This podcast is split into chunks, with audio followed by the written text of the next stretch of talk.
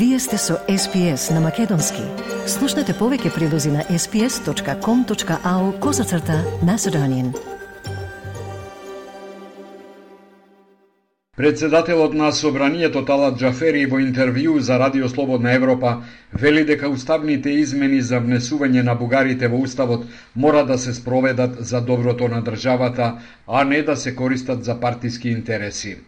Тој не дава конкретен одговор дали оваа точка ќе влезе во собраниска процедура и без обезбедено двотретинско мнозинство со оглед на цврстиот негативен став на опозицијата за ова прашање.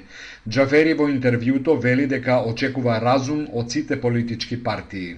Потребата од уставни измени не е заради потреба на мнозинството или не знам на кого, него е тоа потреба на државата за да може да си го превзема и да го изода патот кој што впрочем пред три децении е определена за тој пат да си го изоди. со сите предизвици кои што ги има државата на тој пат.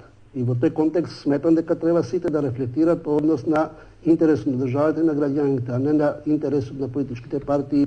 Ако ВМРО ДПМН ги собере необходните 150.000 подписи за распишување референдум, Джафери вели дека ќе ги почитува деловничките процедури и ќе го стави референдумот на дневен ред. Јас ќе ги исполнувам сите обврски кои што произлегуваат од деловникот за работа на собранието. Джафери е категоричен дека блокадата што ја спроведува опозицијата не влијае врз работата и функционалноста на собранието. По ваквите ставови со реакција се јави ВМРО ДПМНЕ. Во писменото сообштение се вели Активната блокада на ВМРО ДПМНЕ е единствената можна акција за делегитимирање на беззаконието на Джафери. Во однос на уставните измени за кои Джафери збори, тоа не се обврски на државата кон ЕУ, туку обврски на кои криминалната клика на СДС ДУИ притисната за да си ги зачува потелите, а на целосна штета на македонскиот идентитет, јазикот, историјата и културата преку целосно национално обезличување и прифаќање на бугарските мегаломански барања. Попрво криминалната влада ќе падне отколку да има било какви уставни измени, се вели во писменото сообштение на ВМРО ДПМНЕ. Уставните измени мора да се случат за земјата да тргне напред, изјави во саботата вице-премиерот Артан Груби. Тој тврди дека македонскиот народ е најголем добитник во овој процес.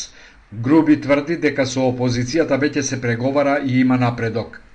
ВМРО ДПМН да е со реакција тврди дека првиот подпредседател на владата Артан Груби кажува лаги. Ако власта има доволен број пратеници што ќе поддржат уставни измени, како што наведува опозиционата партија, уште наредната недела нека ги стават на дневен ред, ако не премиерот Димитар Ковачевски веднаш да поднесе оставка. Прашањето за уставни измени не е прашање дали сме за или против Европската Унија, туку дали сме за или против идентитетско обезличување и прифаќање на бугарските ултиматуми, стои во реакцијата на ВМРО да ДПМНЕ. Премиерот Димитар Ковачевски денеска ќе престојува во еднодневна посета на Бугарија. Владата најави дека со него ќе отпатуваат и представници од секторите економија и енергетика и дека централна тема ќе биде енергетската криза. Бугарскиот министер за надворешни работи Николај Милков во интервју за неделната програма Недела 150 на Бугарското национално радио вчера изјави дека Бугарија сериозно се подготвува за денешната посета на Ковачевски. Според Милков, односите меѓу Бугарија и Македонија имаат многу димензии, тие се повеќе слојни и не можат да се мерат со прашањата за снабдување со електрична енергија од Бугарија за Македонија. Милков исто така вели дека очекува да се разговара за широк спектар прашања и да се направат видливи чекори за решавање на сите прашања. Тој вели, работите ќе се разгледуваат во нивната меѓусебна зависност и кога ќе дојде премиерот од соседна држава, треба да се постават сите прашања од интерес на двете земји. Македонија набавува противвоздушен одбранбен систем. Закана за напад врз нашата држава за сега не постои, но обврска е да се гарантира безбедноста, затоа се набавува воздушен систем за одбрана од Франција. Ова го изјави министерката за одбрана Славјанка Петровска на пресконференција и објасни дека тоа е за да се заштитат националните интереси. Станува збор за одбранбено планирање кое што не е краткорочно, согласно целите за одбраната на нашата држава и национално, меѓутоа и како дел од колективниот систем за одбрана, имаме обврска да ја гарантираме нашата безбедност. Замената на противвоздушниот систем кој го имаме е една од обврските и тоа е проект кој е започнат пред неколку години. Вкупниот, вкупниот, вкупната вредност на договорот е 66 милиони а, евра и тој ќе биде исплатата негова ќе биде во, во текот на 4 години. Во последниве две децении нема набавка на системи за противвоздушна одбрана, иако, како што изјави предходно министерката, воздушната безбедност на Македонија како членка на НАТО ја гарантираат сојузничките воздушни сили. Македонија од денеска ќе биде домаќин на најголемата конференција за комуникатори на НАТО, а ќе има над 300 учесници од членките на НАТО и партнерите. ВМРО ДПМН ја обвинува власта дека преку најголемиот државен производител електраните манипулира со цената на струјата. Марија Митева на пресконференција рече: АДЛ за периодот од 1 до 5 август продава ноќни вишоци по цена од 245 евра за мегават час, додека за истиот тој период цената на струјата на Хупекс е 372 евра за мегават час. Разликата, односно заработката која некој трговец си ја ставил во джеп, е 158.550 евра.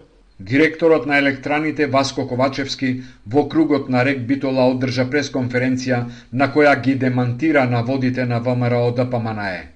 Тој меѓу другото рече дека тврдењата на опозиционата партија и на лидерот Христијан Мицкоски немаат никаква врска со реалноста. Ова енергија, ноќна енергија од вишоци која што продава сама, ја продава на слободниот пазар, може да ја купе било кој што сака и има потреба, и следното, ја продаваме на аукција, каде што имаме највисока цена во конкурентна и транспарентна постапка. На изјавата на Митева писмено одговори и СДСМ. Во реакцијата се вели, во 2006 година, кога ВМРО ДПМН ја презеде власта, цената на киловат електрична енергија изнесуваше 2,9 денари по киловат час.